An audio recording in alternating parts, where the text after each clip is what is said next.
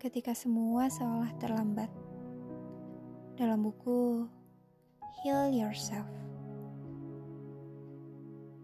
Sejak awal kehidupan kita di dunia, kita terlahir dengan seluruh keunikan dan perbedaan yang kita miliki. Yang tentu saja berbeda dengan keunikan dan perbedaan milik orang lain.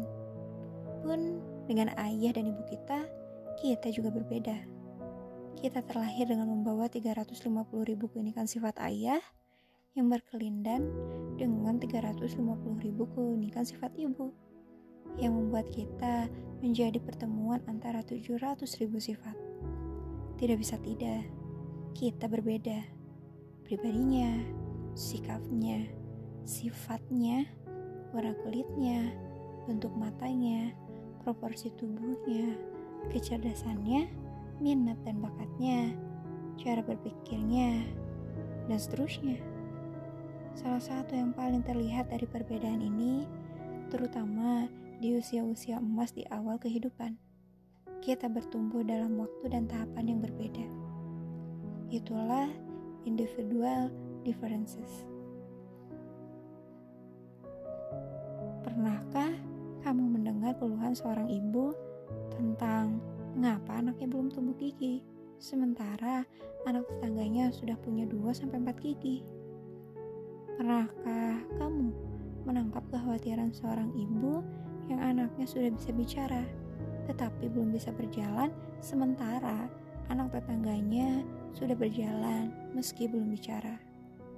Pernahkah kamu melihat seorang ibu gusar karena anaknya masih selalu terjatuh saat duduk?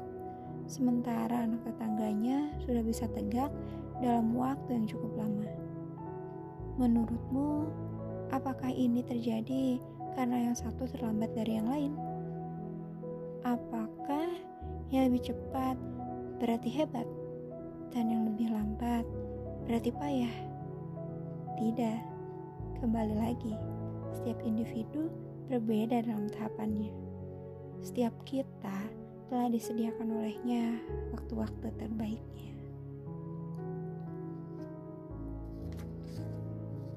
Sayangnya, saat kita beranjak dewasa dan mulai berhadapan dengan dunia serta tuntunan-tuntunan masyarakat, perbedaan tahapan dan perbedaan pertumbuhan yang kita miliki entah bagaimana menjadi lebih sering dihakimi. Alih-alih diterima dan dilihat sebagai sesuatu yang apa adanya, contoh, yang paling mudah, ada seseorang yang kemudian menyalahkan keputusan orang lain yang memilih sekolah daripada menikah dulu. Memilih pergi kerja ke luar negeri daripada sekolah dulu. Memilih menikah di usia muda daripada memiliki rumah dan kendaraan dulu. Dan masih banyak lagi.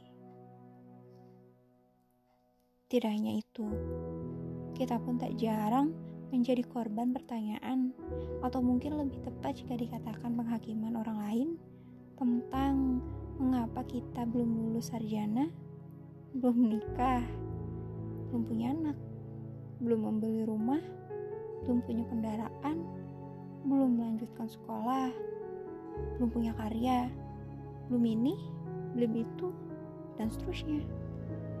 Semua menjadi seremut itu dengan standar-standar tidak baku yang membuat segala sesuatu yang ada pada diri seolah menjadi serba terlambat jika dibandingkan dengan orang lain.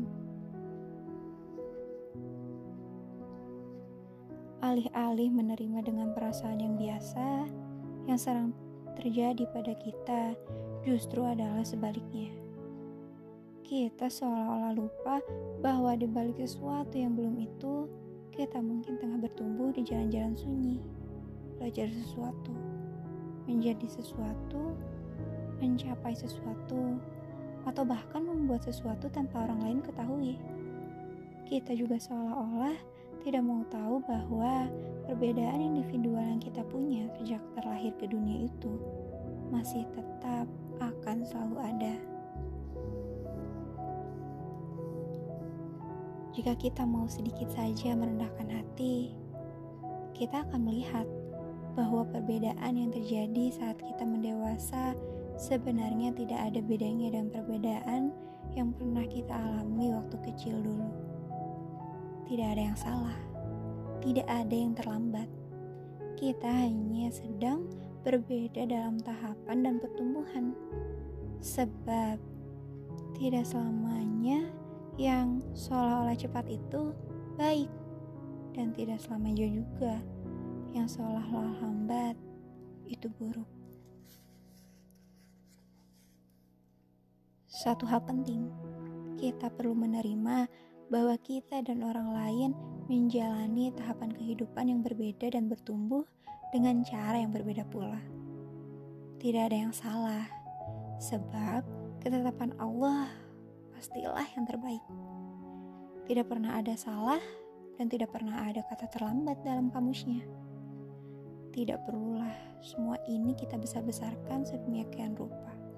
Jangan sampai perbedaan yang sebenarnya baik-baik saja ini membuat kita menyalahkan diri sendiri, menyalahkan keadaan, menyalahkan orang lain, atau pihak-pihak lain, atau bahkan menyalahkan keputusan yang telah dibuatnya jauh-jauh hari sebelum kita terlahir ke dunia. Atas semua milestone kehidupan kita yang telah dirancangnya dengan baik sedemikian rupa, apakah kita berani memberikan protes pada segala yang telah diaturnya? Memangnya kita punya hak untuk protes dan mengajukan keberatan. Sementara kita tidak pernah benar-benar tahu apa yang terbaik bagi kita. So, embrace your milestone. Selamat bersyukur atas seluruh tahapan kehidupan yang sedang dijalani sekarang. Sebab kehidupan yang kita jalani hari ini adalah kehidupan yang boleh jadi diidam-idamkan oleh banyak orang tidak ada jaminan kita akan lebih baik dan lebih takwa ketika tahapan kehidupan berganti menjadi tahapan lain yang kita impikan. Maka, apa pun yang menjadi medan juang hari ini, semoga itulah yang membuat kita menjadi sebaik-baik diri, sebaik-baik hamba yang mengharap ridho dari penciptanya tetaplah berbaik sangka. Bukankah dia adalah tempat berbaik bagi kita untuk menyerahkan segalanya?